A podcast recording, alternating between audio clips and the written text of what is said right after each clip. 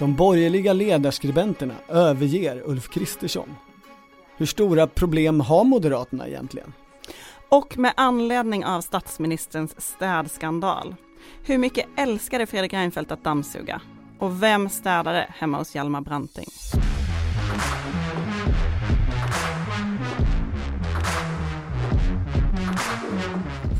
Det här är Politiken med Maggie Strömberg, Annie Reuterskiöld och Torbjörn Nilsson. Onsdag morgon och partiledarna står just nu i eh, riksdagens talarstol och har årets första debatt. Kul för dem. Den vet vi ingenting om.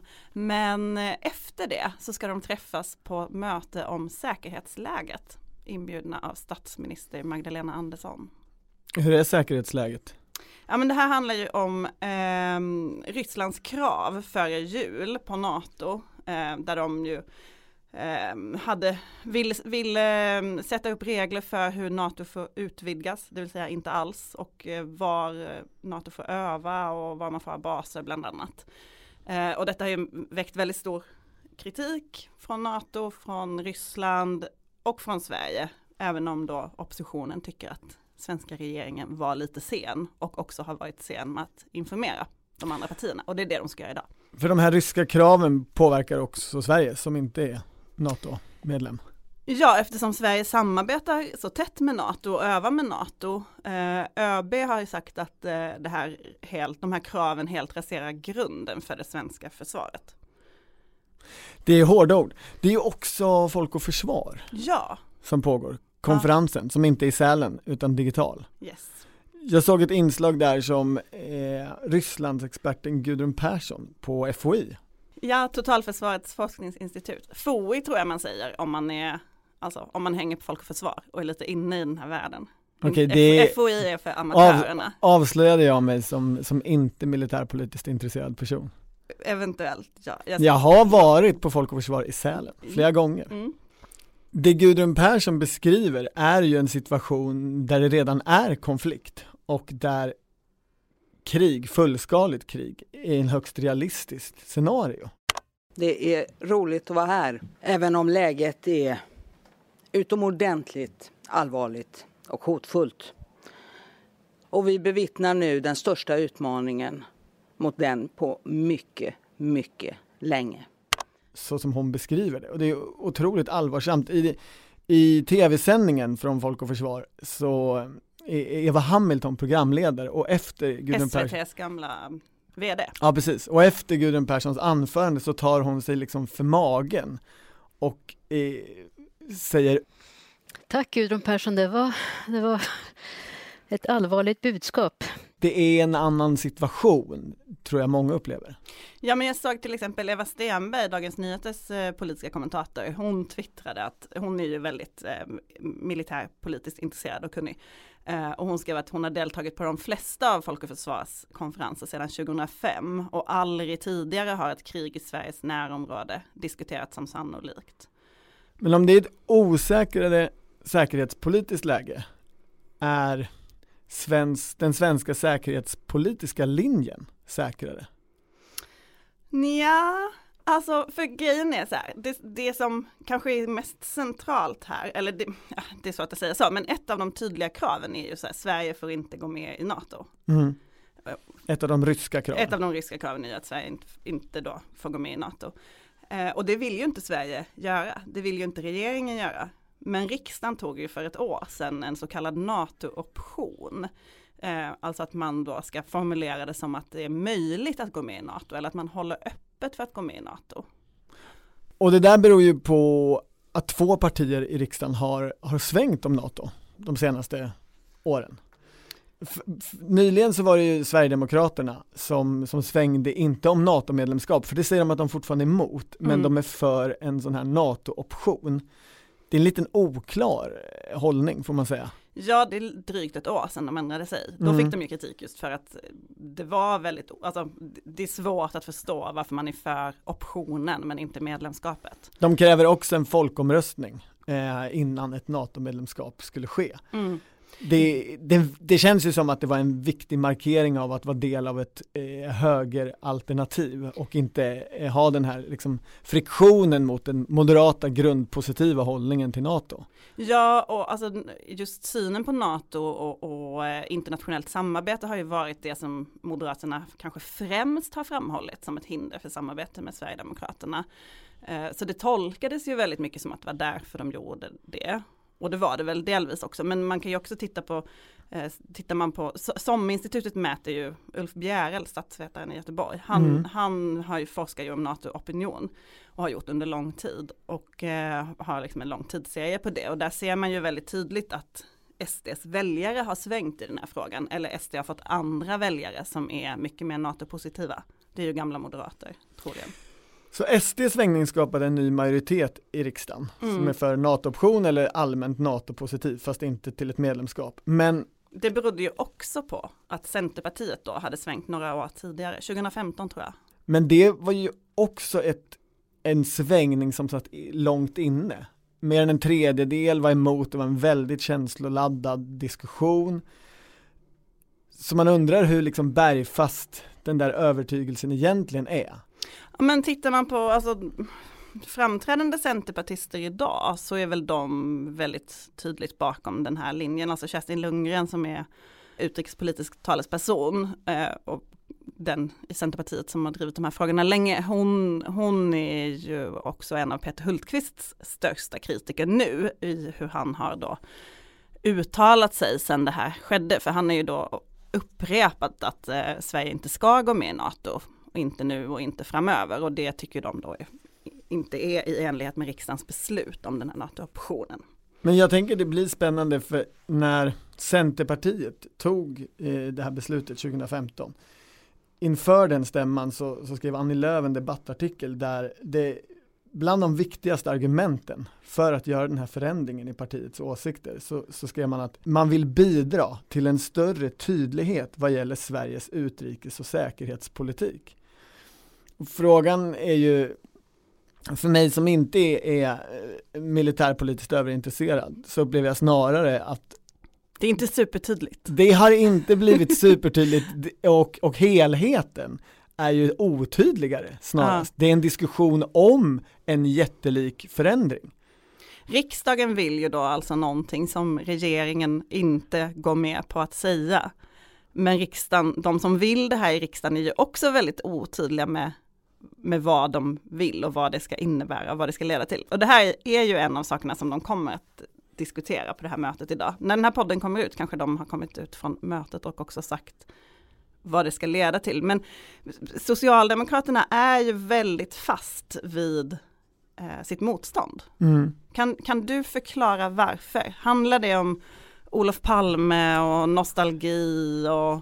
Det handlar om historiska grunder men också om diplomati och diplomatiskt språk och att man menar att man har ungefär samma situation som Finland.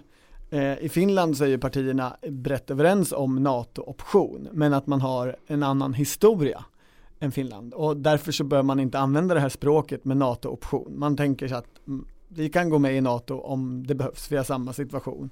Men vi vill inte använda det språket eh, och det är dömt av diplomatiska skäl och sådär. alltså ju... relationen, att Ann Linde ska kunna ringa Lavrov som hon gör ibland. Ja. När, när man läser, um, liksom, både Peter Hultqvist och Ann Linde har skrivit debattartiklar om, om det här flera gånger och när man försöker läsa liksom, Socialdemokraternas um, argument för varför de inte vill gå med i NATO så är det Um, ja men det är inte jättetydligt det heller tycker jag. Det handlar ju ganska mycket om Turkiet, um, ska man samarbeta med Turkiet ibland? Och sen har jag sett att Stefan Löfven i någon intervju ska ha sagt att det är inte bra att två stormakter ligger precis intill varandra, det behövs neutrala länder emellan. En buffertzon. Och det, Vi är det, det, det ska vara. Mm. Men, eh, men det blir ju intressant att höra då vad de kommer ut med från det här mötet idag. Finns det något som skulle du säga som tyder på att man skulle svänga? Alltså skulle eh, den här riksdagsmajoriteten försöka driva igenom det på något sätt? Eller vad skulle krävas? Nej men jag tänker att vill riksdagsmajoriteten någonting så är det väl eh, rimligare att få fram ökade anslag till försvaret på något sätt. Men det är ju intressant då, eh, to, alltså tonen inför det här mötet har ju, har ju varit rätt så kritisk mot regeringen och handlat om att man har varit dåliga på att informera och, då, och att man inte följer beslutet om NATO-optionen. Men eh, samtidigt så är det ju så här, alltså, tänk tillbaka på hur det var när pandemin började och Ja. partierna införde borgfred. Eh, det är ju det, det man brukar tala om att man ska göra i sådana här lägen. Om det är det mest liksom, allvarliga säkerhetshotet på decennier, varför sitter de och tjafsar med varandra? Kan de inte då Liksom, kan de komma ut ur det här mötet med en, en gemensam eh, tydlig bild som sänder signalen om ett enat Sverige som inte har tre regeringskriser per år utan har en väldigt tydlig linje i säkerhetspolitiken. Det är ju det som blir spännande att se. Vi har alltså nått punkten nytt från Torbjörn Nilssons bibliotek. Torbjörn Nilssons bibliotek. Varsågod, varsågod, varsågod. Vid sidan av eh, den här säkerhetspolitiska krisen eller vad man ska kalla det så har det ju hänt en annan sak under jul. Magdalena Andersson har flyttat. Eh, hon har flyttat in i Sagerska precis före jul. Det var inte det jag tänkte på. Utan jag tänkte på att du har ju städat ditt bibliotek. Det har jag. Eller det pågår fortfarande. Det är en lång process. Ja, Jag bygger nya bokhyllor och alla böcker är i en stor hög på golvet. Det har fått mig att hitta en del eh, böcker och det, det dök ju upp en, en, en grej där kring städning som Mm. gjorde att jag en efterlyst kvinna utan rätt att vistas i Sverige greps. vid statsministerns privata bostad. Ja, hon var där för att städa. Hon tillhörde en städfirma. Just det. Det blev en stor säkerhetsdiskussion om det. Men det blev ju också en diskussion om huruvida eh, man ska ha städhjälp eller inte om man är socialdemokratisk partiledare. Och också vill jag bara lägga till graden av utnyttjande i den här branschen. Absolut. Av, eh, Mer strukturellt. Och skuggsamhället och sådär. Ja, men, men, men diskussionen om det är moraliskt rätt att städa eller inte har ju också funnits med. Och jag fastnade på ett inlägg i den här debatten som Isabel Hadley Kamp som är ledarskribent på Dagens Nyheter skrev. Som handlade om att det är ju en ny situation. Förr i tiden så var ju statsministrarna män och då löste ju deras fruar det här med städning. Eller fick ta det jobbet. Och så tänkte jag, det ligger väl något i det, men gör det verkligen det? Och så eh, hade jag alla böckerna i min städning av biblioteket och försökte hitta, hitta svar. Så jag tänkte, kan vi inte gå igenom statsminister för statsminister här och se hur det, om vi försöker ge, ge svar. Mhm, om de, alltså hur de sköter städningen. Ja, jag börjar med Per Albin Hansson om jag får. Ja, visst. Han Eh, är väl känd för att ha många fruar. Ja det är det som är lite eh, svårigheten här, man behöver reda ut två hem och hur eh, städning, barnpassning, matlagning sköttes i dem. Eftersom Alltså, man men- hade ju två familjer. Ja, kände de till varandra? Det gjorde de absolut. Ja. I alla fall de vuxna. Barnen vet jag inte riktigt när de fick veta det. Var det tillåtet då med månggifte? Eh, nej, utan han brukade ju säga folk kallar mig mormon. Mm. Här- Det finns ett fint citat som är Jag är ju en mormon men det skulle verkligen inte funka om fruarna inte godtog det här arrangemanget. Mm, De men menar då- det är någon slags beröm till, Ja, till sina två älskade. Eh, Så han måste ha haft mycket möjlighet att ha ett städat hem, eller hur ska man se det? Jag vet inte, i, i Anders Isakssons fyra stora böcker om Per Albin Hansson så är, ja, hittar inte jag på något ställe hur det praktiskt och ekonomiskt sköttes med, med de hushållsnära tjänsterna som vi kallar det idag. Så jag, jag, jag har inget svar på den frågan riktigt. Nej. Utan där får vi utgå från att teorin om att frun, alltså fruarna, gjorde jobbet måste vara sann. Mm. Stefan Löfven vet jag inte heller riktigt. Nej, jag har faktiskt försökt eh, googla lite på detta men inte sett honom kommentera det någonstans. Men, men om man tänker på den där uppmärksammade händelsen förra julen då han eh, ju befann sig i ett köpcentra i eh, strid med rekommendationerna för att han var tvungen att lämna in sin egen klocka han, på lagning, han kunde inte låta någon annan göra det. Det talar väl en del för att han kanske inte lejer ut städningen. Du tänker att han är en människa som vill göra allt själv?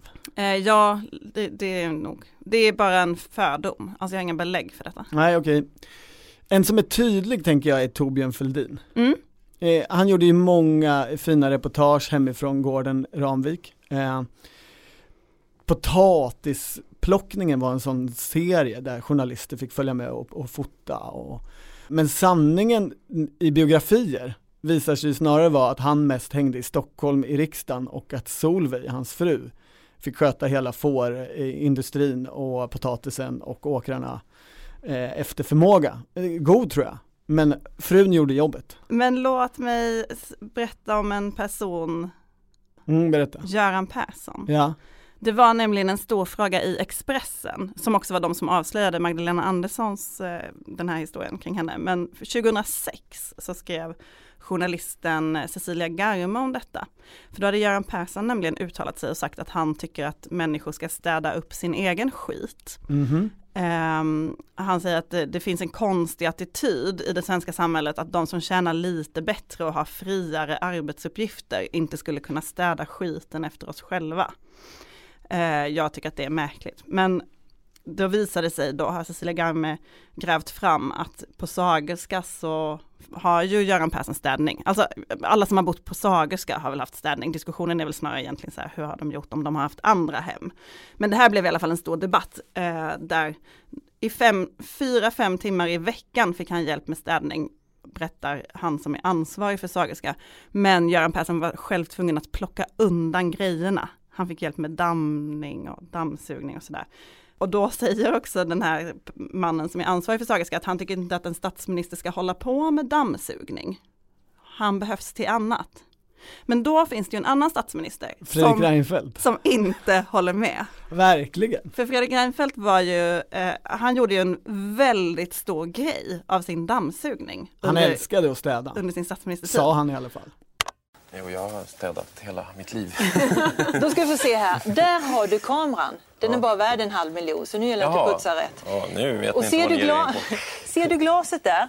Ja. Uppe. Där Då ska, vi se, den är lite fettfläckig där tycker ja, jag. den är till och med rätt smutsig skulle jag säga. Ja, och, och du kan ta där uppe också så får okay. vi se hur hur det känns för tittarna. För de kan ju nämligen se direkt om du sköter ditt jobb där. Absolut. Eh, och så kan du spruta ovanpå där också. Ja, jag ska göra det. Här, här skulle man behöva gå kan jag säga, på undersidan också. Men vi... Nej, det... inte undersidan, men Nej, där. Men här, på den. Ja, just det. Där ja. Alltså det finns så många porträtt som pratar om Fredrik Reinfeldt och hans dammsugare. Det är liksom Alltså någonstans måste man ju se det här som politisk kommunikation. Alltså ja. det, det, här är ju tiden då pärlhalsbandet ska av, man bor i Mexitegelvilla kanske i Täby. Ja, det, det var inte Mexitegel som men, jag minns det, men det gjorde Göran Hägglund däremot. Men man hade en platt-tv, man eh, gillade korvgryta, man städade, alltså det fanns mycket, det fanns ju mycket Svensson-signaler vid ett vanligt parti för vanligt folk. Absolut. Eh, men, den här, men sen så har då eh, Aftonbladets Lena Melin 2008 eh, varit hemma hos Fredrik Reinfeldt. Alltså jag måste läsa jag gör det. lite högt här. Att, alltså, han är lite irriterad över att folk tycker att det är dumt att han skurar golvet på knä. Men det är liksom det enda sättet att få det riktigt rent. Man kan inte bara gå runt med en svabb. Han har också det är objektivt sant. Han har får, jag, får jag bara inflika det, att ett, ska, ska ett golv bli rent måste man göra det på knä. Jag har aldrig skurit ett golv så jag vet inte, men han, eh, han har särskilda städbyxor. Allra härligast är det när det rasslar i dammsugarröret. Den sanna tillfredsställelsen för den som städar, det är att vara i hörnen. Bakom soffan och in i hörnen där kan man hitta en dammskatt. Ja, men det här ger en skön känsla kan jag säga. Det här tycker jag är riktigt roligt. Jag inser att jag är lite udda då men... Jag, det gläder mig. Du kan fortsätta stå och putsa där. Jag för gillar att, jag... att städa. Det här var ju också samtidigt som RUT infördes och det var ju en jättestor debatt om städning, om pigor. Mm. Eh, och då, då gör liksom Fredrik Reinfeldt de här städ, eh, städreportagen om sig själv. Jag antar att de kanske också hade någon form av de använde väl RUT? Ja, de hade ju bland annat barnhjälp som det var en stor diskussion om vilken lön de fick. De anställdes på au pair-lönenivåer och så fick de bo eh, hemma hos dem i, i Täby och eh, fick så att säga ersättning i natura, eh, kost och logi. Det var en diskussion. Eh, det, men jag tänker att, är det vad natura är? Alltså, eh, alltså. jag vet inte vad du har för tankar kring natura-begreppet men originalet till den här Svensson-livet som, som statsminister är ju ändå Ingvar Carlsson. Mm. Har man sett dokumentären som SVT gjorde för några år sedan om honom så, så ser man ju ett hem som är så vanligt och eh, så orenoverat vanligt som bara någonting kan vara. Så där får vi nog säga att det, det var hustrun som gjorde jobbet. Jag har inga andra uppgifter i alla fall. Okej, men eh, vilka har vi kvar nu då i statsministerlängden? Ja, ja, det beror ju på hur långt bak i tiden vi ska gå förstås, för det finns ju jättemånga statsministrar om vi går långt bak, men vi kan nöja oss med tre. Mm. Eh, vi har Palme kvar, Mm. Tage Erlander, Vilken tur, jag var rädd att jag vill ha med. Hjalmar Branting ändå, alltså det Ja. är ändå någon slags rimlig Eh, tid. Palme, städade Lisbeth. Lite oklart, eh, biografiförfattaren Kjell Östberg eh, hävdar med bestämdhet att man hade hjälp eh, utifrån med barnpassning. Eh, Lisbeth jobbade deltid, så det talar ju för att det var hon som också städade, men Östberg tror att de också hade hjälp med städning och annat. De båda kom ju från överklassförhållanden där de var vana vid eh, hjälp hemma eller pigor eller jungfrur som det kallades. Men bosattes ju i Vällingby, det här modernistiska eh, hemmet som skulle vara någon, någon, någon ny sak. I vilket fall så är det ju här under 70-talet det sker någon slags svängning i hela synen på hemmafrun, fungerar det att ha jobb för en kvinna och samtidigt ha detta eh, ansvar för hemmet? Hur ska man lösa den här problematiken?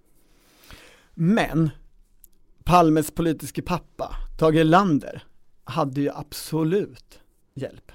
Det, där finns det ju ytterst lite som är av hemmafru-karaktär hos Aina Erlander, hans hustru.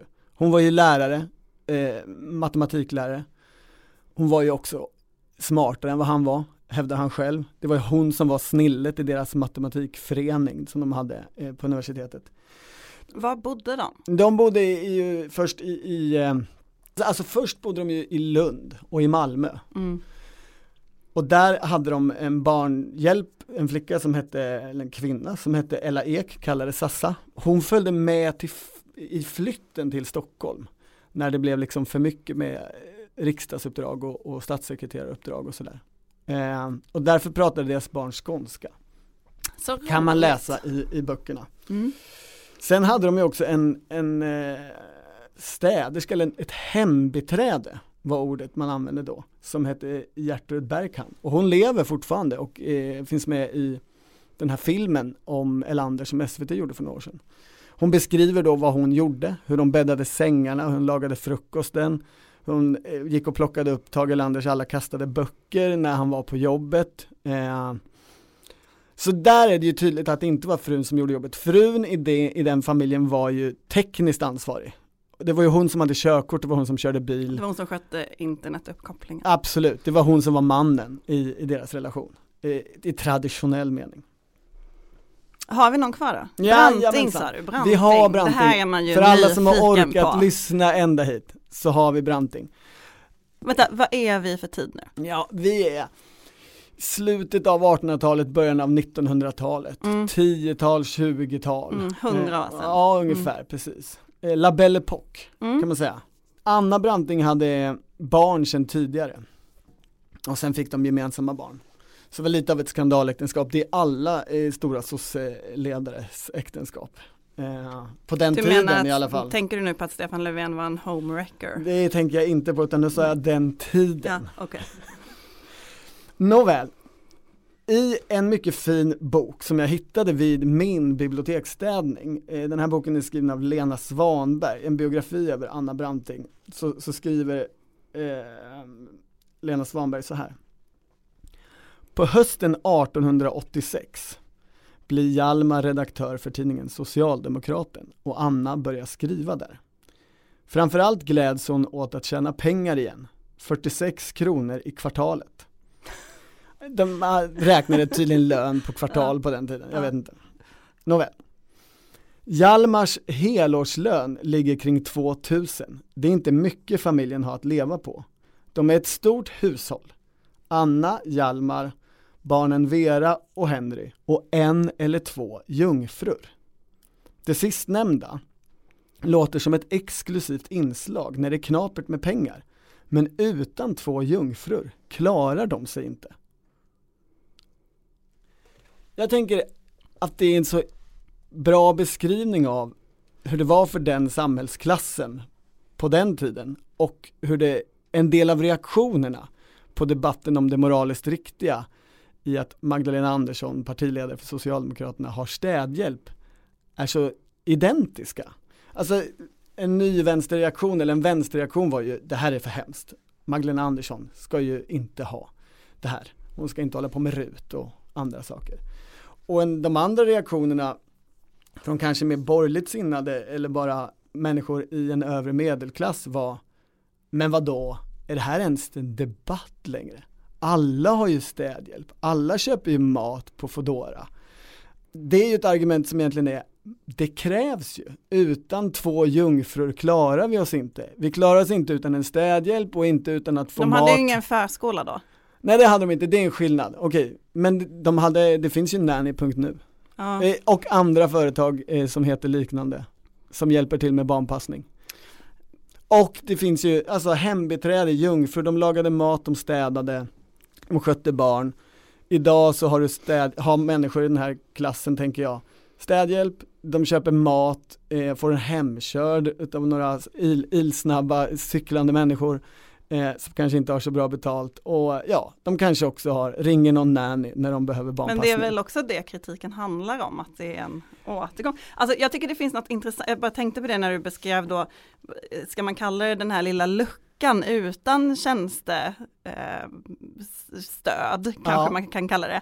Ja, men jag tänker på till exempel hur hemmen såg ut då. Att man eh, spikade för spegeldörrarna, att man, jo, man inrättade hushållet, alltså det kom färdig mat, alltså det kom helfabrikat. Det modernistiska. Eh, ja, du, du gjorde liksom om en massa saker i samhället för att underlätta, för att dra ner på tiden som du skulle behöva arbeta i hemmet. Ja. Och nu har ju allt det där gått åt helt andra hållet. Det trendigaste som finns är att vara en värdinna som gör din egen pastadeg. Eh, liksom, det, det, är ganska länge sedan folk liksom eh, plockade fram de där speglarna igen och eh, lyfte bort plastmattorna på golvet så att du fick det mycket jobbigare trägolvet som ja. tog, tar mycket mer tid att sköta. Eh, att damma de här sekelskifteslistorna. Alltså, Övre medelklassbekymmer här. Ja, men, nej men jag bara menar att så här, eh, livsstilstrenden har ju gått i en riktning som kräver mer hushållsarbete, som kräver mer tid hemma för att upprätthålla. Ja. Och det kräver i sin tur då städhjälp. Ja, om, om min hypotes är att vi har en situation i vissa samhällsklasser som liknar den för hundra år sedan, så måste man ju lägga till att det finns en viktig skillnad. Då var ju inte det här subventionerat av staten. Det är det ju idag. Okej, men eh, om man ska sammanfatta det här nu, för det var ju väldigt många personer här. Eh, det var många böcker i biblioteket. Under lång tid, men alltså stämmer det att andra statsministrar levde på att fruarna städade? Under en eh, period, men jag skulle betrakta den som mer av en parentes så borde Magdalena Anderssons man, eh, Rickard heter han väl, mm. borde, han, han, arbetar ju som professor på Handelshögskolan i Stockholm, borde han nu börja städa, är det din slutsats? Eh, Eller vill du inte lägga dig i deras? Eh, dels är det en normativ slutsats, så den vill jag inte dra eh, överhuvudtaget. Och sen kanske det är någonting de ska få hantera. Men framförallt behöver han ju inte det eftersom du har informerat om eh, städtiderna på Sagerska. Just det, Fem, undrar om det har utvecklats. Det blir ett gräv som vi får göra framöver. En rätt intensiv vecka. En rätt intensiv vecka. En rätt intensiv vecka. vecka. Jag har hunnit läsa lite tidningar under ledigheten också. Mm. Ledarskribenterna, de som är lite till höger, ja. har ju visat sig starta året eh, med det mest pessimistiska tonläge som jag någonsin har hört. De verkar lite nervösa. Eh, Ingen av dem verkar tro att Ulf Kristersson kan bli statsminister det här valåret. Nej. Och det är några månader kvar, men de är helt övertygade om att det här kommer gå åt helvete. Ja, och det är ju, det har ju verkligen trappats upp den här, det, det smög ju lite där runt jul och sen har, har den här domedagsstämningen trappats upp. PM Nilsson var väl eh, tidig i detta, Dagens Industri. PM Nilsson är ju ofta först i att sätta tonen i den borgerliga debatten. Eh, han skrev en text 2 januari, det nya året börjar inte med några goda möjligheter enligt PM Nilsson. I hans, alltså han börjar med att lista upp de goda värden som han ser som borde liksom ske i samhället. Ett bättre företagsklimat, bevarade vinster i välfärden, skärpt kamp mot brottslighet inte minst eh, och nybyggd kärnkraft. Och sen så konstaterar han att för alla de här jätteviktiga sakerna så är S ett uselt alternativ. Det här är ju inte en lustig borgerlig eh, ledartext, det är ett normalt upplägg. Det är språket som är annorlunda. Bland annat så har han ju ett fint stycke som låter så här. Det är lätt hänt att tro att Socialdemokraterna är något annat än de är. Slavmentaliteten breder ut sig kring deras maktinnehav. Det underlättas av en kombination av skickligt bländverk och undergivenhet hos de härskande klasserna i byråkratin, medierna och näringslivet. Vet inte om du och jag nu är representanter för de härskande klasserna i medierna, men det här språket är ju ett desperat språk. Absolut. Det är ju en insikt om att det går inte alls så bra som det borde gå. Och här tar jag ifrån tårna. Den här synen ser man hos andra eh, debattörer med moderat bakgrund och också hos en del eh, moderata tjänstemän och så tycker jag i, i sociala medier och annat att eh, om bara medierna satte dit Socialdemokraterna lite mer så skulle Ulf Kristersson vinna. Alltså att det finns en, en sån frustration mm. över att eh, eh, det går för bra för Socialdemokraterna och det, det, kan då inte vara Moderaternas eget fel utan det, det är fel på hela, liksom, vi är så indoktrinerade med socialdemokrati. Eh, om man bara, det är åtta månader kvar till valet, gör en valrörelse. Och det är inte så länge sedan det var en borgerlig regering som satt i två mandatperioder och hade den mest populära statsministern i någonsin uppmätt.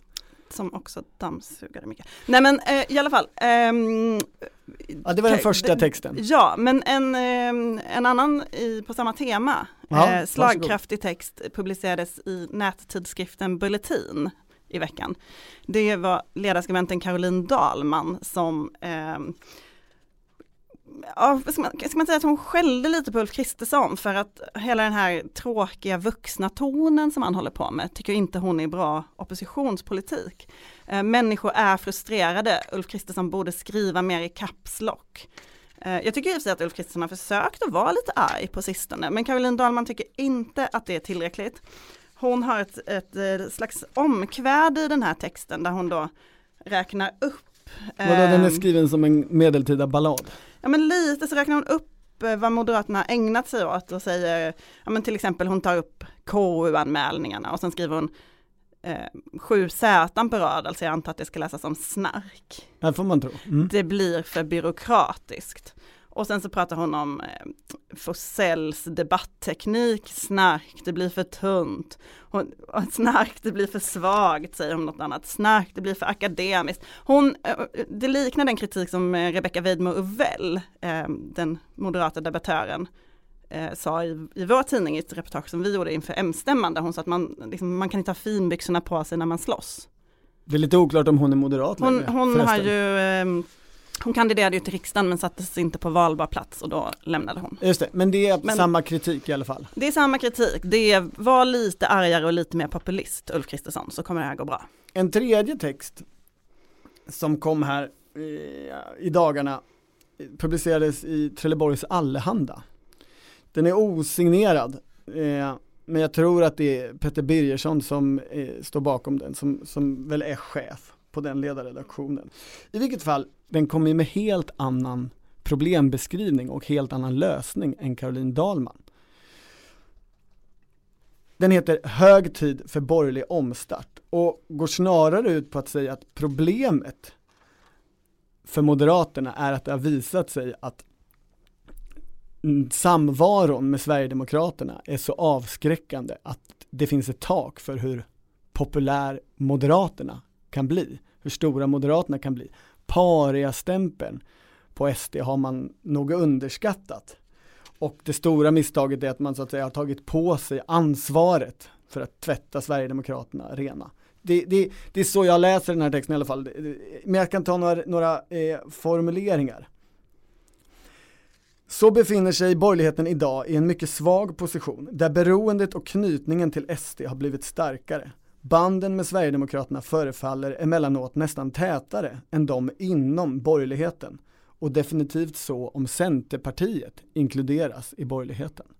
Ja det är ju helt sant. Ja, och, det, det är ju så, det förefaller inte bara så, det, så är det ju. och lösningen här, den här linjen är ju att det ska startas, göras en nystart.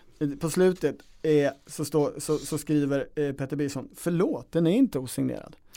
Jag ser ju hans, han, nu ser jag ju både hans namn och bild. Eh, ursäkta. Han skriver på slutet. Det manifesteras bäst, alltså lösningen är, att lansera en ny gemensam borgerlighet med de partier som bestämt sig för att vara ett alternativ till socialdemokratiskt innehav. Idag Moderaterna, Kristdemokraterna och Liberalerna.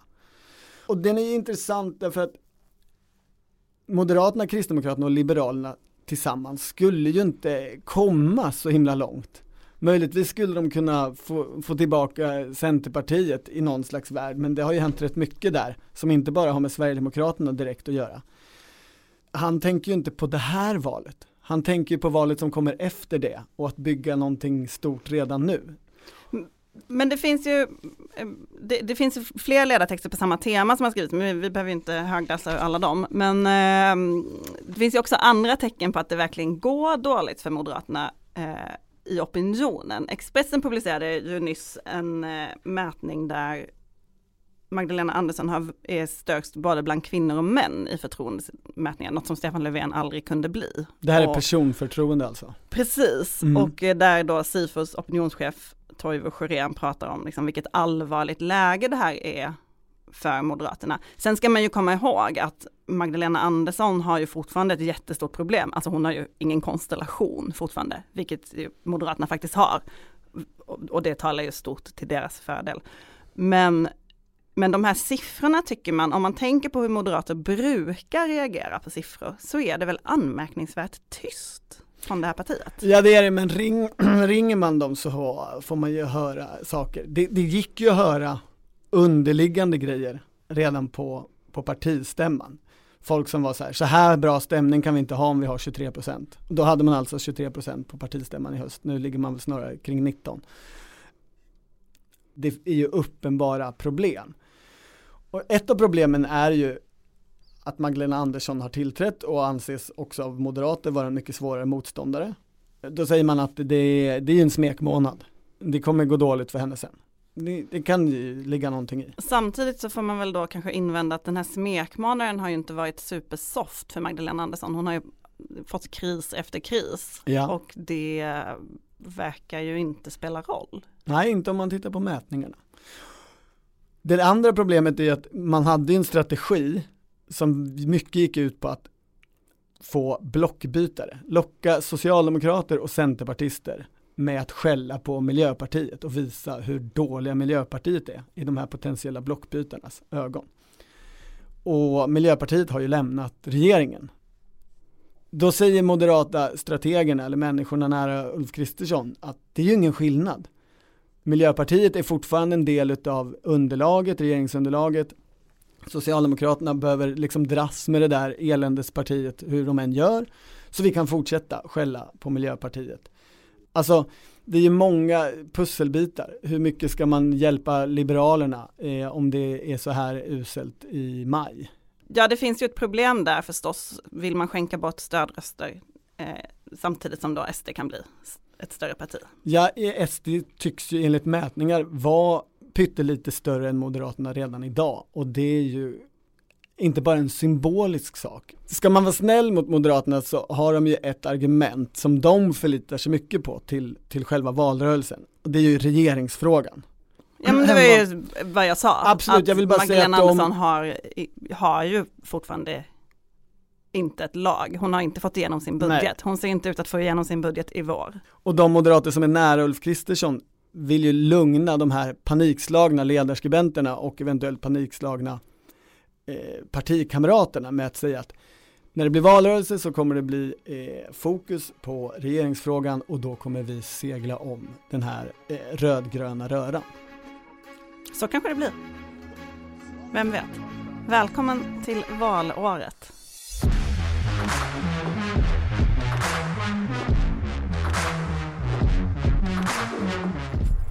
Du har lyssnat på Politiken, en podd från Svenska Dagbladet.